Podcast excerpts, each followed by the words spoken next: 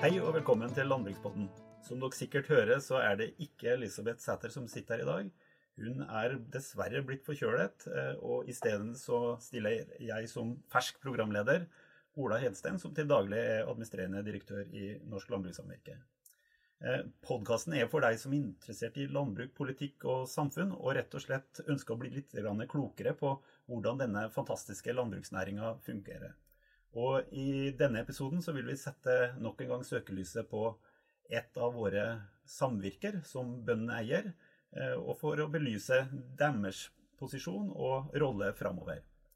Og velkommen, Elisabeth Morten. Du er jo ny administrerende direktør i, i Gartnerhallen. Har eh, jobben så langt svart til forventningene? Ja, det har den. Jeg har kommet inn i en, en spennende næring med masse offensive bønder og veldig mye som skjer, og med store vekstmuligheter. Så det har vært noen spennende. Jeg har vært, vært der nå i en og en halv måned, så jeg føler meg veldig fersk ennå. Men det har vært en, veldig, noen veldig spennende uker. Det, du har jo bakgrunn fra annet næringsliv, og også fra andre samvirkebedrifter. Hva er det du har så langt i din karriere med deg som du tror du er viktig for deg å tilføre på, på Gartnerhallen? Kanskje en av de viktigste bakgrunnene mine er at jeg har sittet i konsernledelsen i Tine.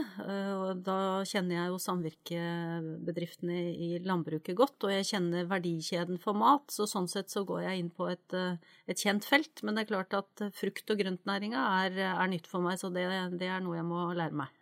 Det er alltid noe nytt å lære i livet, så det er jo bare motiverende i seg selv. Men frukt- og grøntbransjen, den, den stifta jo jeg bekjentskap med en gang hvor jeg satt i sekretariatet for, for Matmaktutvalget, som Einar Stensnes leda.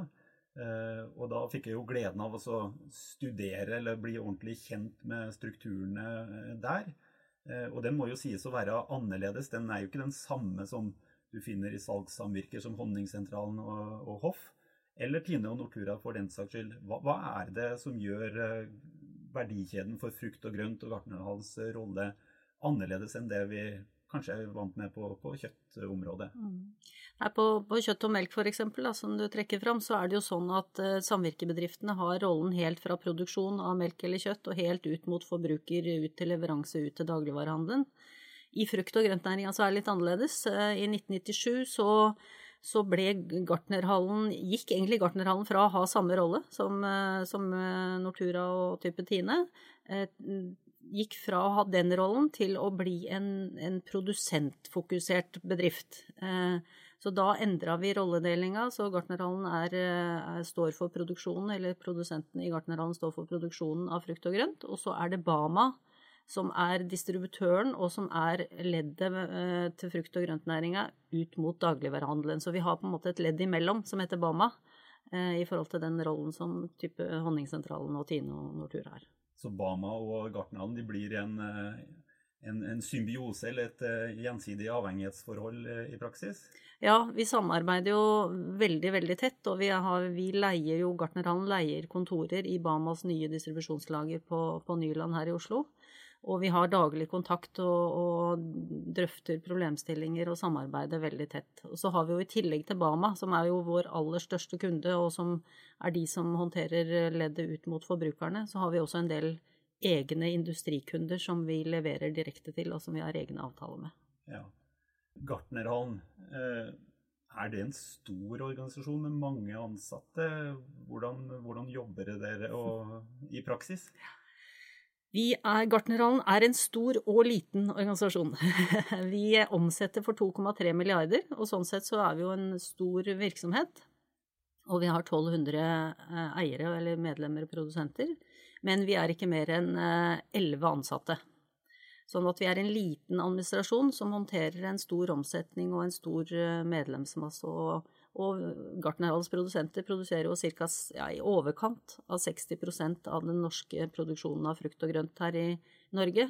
Så, så derfor så sier jeg vi er store og små samtidig. Ja, det ble jo et godt uttrykk, og det må jo kunne kalles å være nærheten av en kostnadseffektiv administrasjon med 2,3 milliarder i omsetning og 11 personer. Det... Ja, jeg pleier å si det til folk spør ja, jobber du i Gartnerhallen, ja, hva, hva, driver dere med, og hvor store er dere? Så sier jeg ja.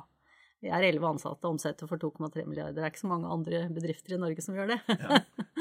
Det er nok ikke det. Men hvis vi ser litt sånn, sånn framover eh, En av de tingene jeg har har merka meg, er jo at frukt og grønt er jo selvfølgelig utsatt for konkurranse fra import. Det ligger jo litt i sakens natur at det er grenser for hva og hvor mye vi kan produsere i dette landet med litt hva var det kalle det, klimatiske utfordringer. Men likevel så har jeg registrert at, at dere har klare ambisjoner, ikke, ikke bare Gartnerhallen, men også Bama og, og, kundene bak der. En klare ambisjoner om at det, det, er mulig å øke norsk eh, produksjon innenfor eh, frukt og grønt, og ikke minst eh, verdiskapingen. Er det bare gull og grønne skoger i framtiden for frukt- og grøntbransjen? Altså det er jo, For å ta liksom importvernet først, så er jo altså tollsatsene for, for, frukt og grønt har jo ikke blitt endra siden på 90-tallet. Og det er jo en kronetoll, så det betyr jo at tollvernet er veldig sterkt svekka, selvfølgelig, gjennom alle de åra der. Ehm, så tollvernet vårt er veldig svakt. Ehm, men til tross for det så, så er vi optimister og tror på vekst. Og det har jo delvis med at vi merker at det er en stadig større etterspørsel etter norsk og kortreist. Og norske forbrukere har veldig stor tillit til kvaliteten og til plantehelsa og til de norske produktene. Eh, sånn at det er eh, Vi har på en måte litt sånn medvind blant forbrukerne på der man etterspør våre produkter. Og så merker Vi har et eh, veldig godt eksempel nå. Vi har jobba målbevisst Gartnerhallen, Bama og dagligvarehandelen, altså Rema, først og fremst Rema og Norgesgruppen, med å øke norskandelen på potet. Altså tollvernet på potet er veldig dårlig, men vi har jobba målbevisst. Vi var nede i en norskandel på 60% potet eh, for tre år siden, og gjennom en målbevisst satsing i alle ledd så er vi nå oppe i 80% etter tre år. 80? 80 ja. Så det, vi er jo veldig fornøyd med det. Men det var, eh, da må jeg nesten spørre, hvor, eh, hvor langt nede var det? Ja, det var jo enda lenger nede enn 60 en periode, ja. men for tre år siden så var det altså 60% Så det er jo egentlig ganske formidabelt at vi har evna det, og det har jo kommet som et resultat. Vi har jobba mye på produsentsida med sortsutvikling, kvalitet, lagerhold osv. osv. for å sikre at vi har den kvaliteten som forbrukerne etterspør, og de typer poteter som forbrukerne etterspør. Og så har Bama og Eh, Norgesgruppen Rema, kanskje Norgesgruppen aller mest, jobba veldig målbevisst for å løfte fram norsk potet og, og fronte det i sin uh, markedsføring ut mot uh, forbrukerne. Og det har virka. Så en formidabel økning på norskandelen på potet, til tross for at vi gjerne hører folk si at ja, det norske markedet vokser både på frukt og grønt og på andre produksjoner, men den økte, økte markedet blir spist opp av importen. det det trenger ikke nødvendigvis være riktig for eh, alt eh, av grønnsaker og frukt og bær? Nei, jeg tror vi må gjøre to ting samtidig. Det er klart vi må jobbe for å øke tollvernet eh, og for at importen skal gå ned. Men vi kan på en måte ikke sitte og vente på at tollvernet skal bli bedre. Vi må også gjøre noe aktivt. Og det, det viser seg at når hele verdikjeden drar i samme retning, så, så gir faktisk det resultater. Ja, men dette er jo et prosjekt som da må la seg kopiere over på noen andre produksjoner? Er det noen, noen spesielle som uh, du har virkelig lyst til å jobbe med, eller tror det er viktig å, å, å øke norskandelen på fordi forbruk, våre norske forbrukere forventer det? Nå må vi jo se hva som er mulig, men jeg syns jo det hadde vært spennende å få til noe tilsvarende på tomat. Altså tomat, potet, gulrot er de tre største kulturene som, som innenfor Gartnerhallens uh, produksjon. Og hvis vi kunne liksom ta fatt i de store produksjonene, har vi lykkes på potet, og må prøve å holde det nivået, da. Det er også en utfordring. Eh, men hvis vi nå kunne fått til noe tilsvarende på tomat, så hadde jo det vært spennende. Men det, det er et mer komplisert felt og, og, kan være mer krevende, men eh, det hadde vært spennende å se om vi kunne fått til noe tilsvarende der. Det, dere hadde jo et, et, seminar, det er vel et årlig seminar, Gartnerhallen-seminaret, i forrige uke, eller var det to uker, to uker siden? Jeg hadde jo gleden av å være, være innom, innom, der. og opplevde en ganske god stemning blant dine medlemmer, for det var vel mye det som, som var på, på seminaret. Og så var det noen noen innlegg der på, på, teknologi som fikk eh, Jeg tror i hvert fall flere med meg fikk noen aha-opplevelser på at eh, kanskje gartnernæringa eh, kommer til å endre karakter og få nye hjelpemidler raskere enn det vi kanskje trodde for kort tid siden. Mm. Er teknologi noe som gartnerne spesielt er, er, opptatt av å ta i bruk? og hvordan tenker Gartnerhallen rundt mulighetene for å produsere på andre, mer effektive og presise måter? Mm. Eh, ja, jeg opplever en stor interesse i næringa for å bruke de mulighetene som ny teknologi gjør. Og vi er jo en veldig arbeidsintensiv næring. Særlig i sesong så har vi jo Det er, det er veldig mye sesongarbeidskraft i næringa, og veldig mye håndarbeid og gjentagende rutineoppgaver, selvfølgelig, i innhøsting og luking av alt dette her. Eh, sånn at det, jeg ser jo at det er et stort potensial eh, for å kunne ta i bruk ny teknologi for å løse en del av de oppgavene som krever veldig mye arbeid nå. Og det, det ser veldig mange av våre produsenter også. Så, og, og frukt- og grøntprodusentene er jo sånn eh, generelt så er jo de veldig offensive, framoverlente, markedsorienterte, forretningsorienterte bønder. Så de er også framoverlente når det gjelder teknologi. Og jeg tenker at det kan det kan handle om, som jeg sier, altså type arbeidsrutiner, altså innhøsting, eh, luking, eh, den type ting, um, som gjør at ting blir mer effektivt. Men det kan også handle om, altså nå får vi våtere vær, uh, krevende innhøstingsforhold har vi hatt ikke minst nå i høst. Så det å få lettere maskiner som gjør at du kommer ut på jordet uten at traktoren synker til bunns, liksom, det er også et, et poeng. Så det gir noen muligheter eh, for å både tilpasse seg nytt klima og til å gjøre ting eh, mer eh, effektivt. Men så er det også på den annen side da, litt utfordringer. Vi hører rykter om, om at de driver og utprøver um, veksthus nedover i Europa som, der det dyrkes i flere etasjer helt kontrollert. Der jeg hører rykter om at er, sånn, de kan høste 25 avlinger i året av salat og urter, f.eks. Og det er klart at hvis sånne store aktører kommer eh, på banen, og de får dette til å bli lønnsomt, foreløpig er det ikke det, men eh, det kan det bli, så er det klart at det også gir noen utfordringer i forhold til konkurranse. Men det gir jo også igjen da, muligheter for at norske aktører kan gjøre det samme, og, og på en måte bli en aktør i det bildet der. Men det er kapitalkrevende, og, og foreløpig eh, så er det vanskelig å tjene penger på det, ikke minst fordi energikostnadene er høye. Ja, det, det er jo det er jo fascinerende. Det er jo flere av oss som har sett eh, vertikal dyrking og grønne hus i byer, og det er jo enda de som, som har hevdet at de, i hvert fall de store byene i, i, i, verden vil være avhengig av å ha en betydelig andel av egenprodusert mat i byen. Og da er det først og fremst frukt og grønt de tenker på, tror jeg, og ikke så veldig mye sauer på, på, beite.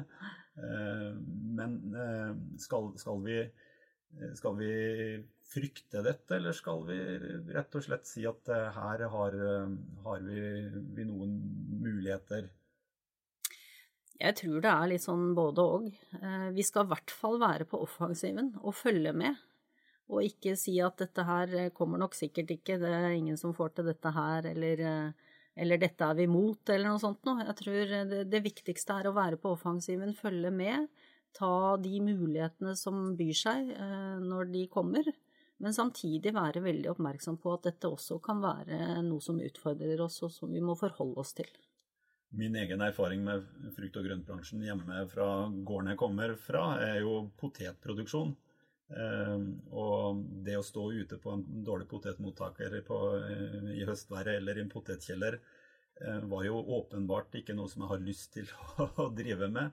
Så i den grad teknologi kan kan eh, finne bedre løsninger på det, så, så, må det jo være noe som eh, inspirerer eh, for de som skal ta over. og Da kan vi kanskje komme inn på frukt- og grøntbransjen. Er det en Er gartnerne er unge produsenter? passe gamle produsenter eller altfor gamle produsenter? Har man en rekrutteringsutfordring i, i den, den, delen av landbruket? Ja, det har vi vel i landbruket generelt. Så gjennomsnittsalderen kunne jo vært lavere, for å si det sånn. Eh, men jeg har også, nå har jeg jo hatt gleden av å besøke en del produsenter eh, rundt omkring i landet. Eh, ikke så mange enda, men noen. Og jeg møter jo også en del unge, unge bønder som er, gleder seg til å ta over, eller som akkurat har tatt over, og som er aktivt med i, i drifta. Som, som, ser store muligheter i denne næringa framover. Så jeg opplever jo en Altså, Gjennomsnittsalderen er for høy, men jeg opplever også en optimisme og offensivitet blant de unge. Og jeg tror dette med teknologi, som vi akkurat har snakka om, at det for mange unge så syns de at det er en spennende del av det som framtida bringer, og de ønsker å ta del i de mulighetene som det gir.